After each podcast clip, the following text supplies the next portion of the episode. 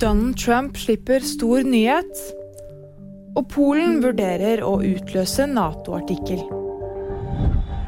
In order to make America great and glorious again, I am tonight announcing my candidacy for President of the United States.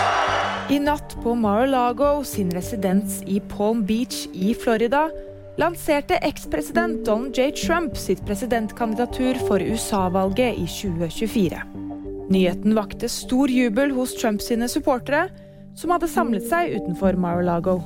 God bless him and God bless America. We need him back. We really do. We need that kind of strength and leadership in America. Polen sier tirsdag kveld etter å ha holdt krisemøte at de vurderer å utløse artikkel 4 i Nato. Dette skjer etter at to polske statsborgere er drept av hva det polske utenriksdepartementet omtaler som et russiskprodusert missil. Artikkel 4 i Atlanterhavspakten i Nato slår fast at partene vil rådslå med hverandre når som helst når enn de mener at noen parts territoriale ukrenkelighet, politiske uavhengighet eller sikkerhet er truet. Russlands forsvarsdepartement avviser at det er de som står bak angrepet. Og VG-nyheter de fikk du av meg, Fride Rivø Lie.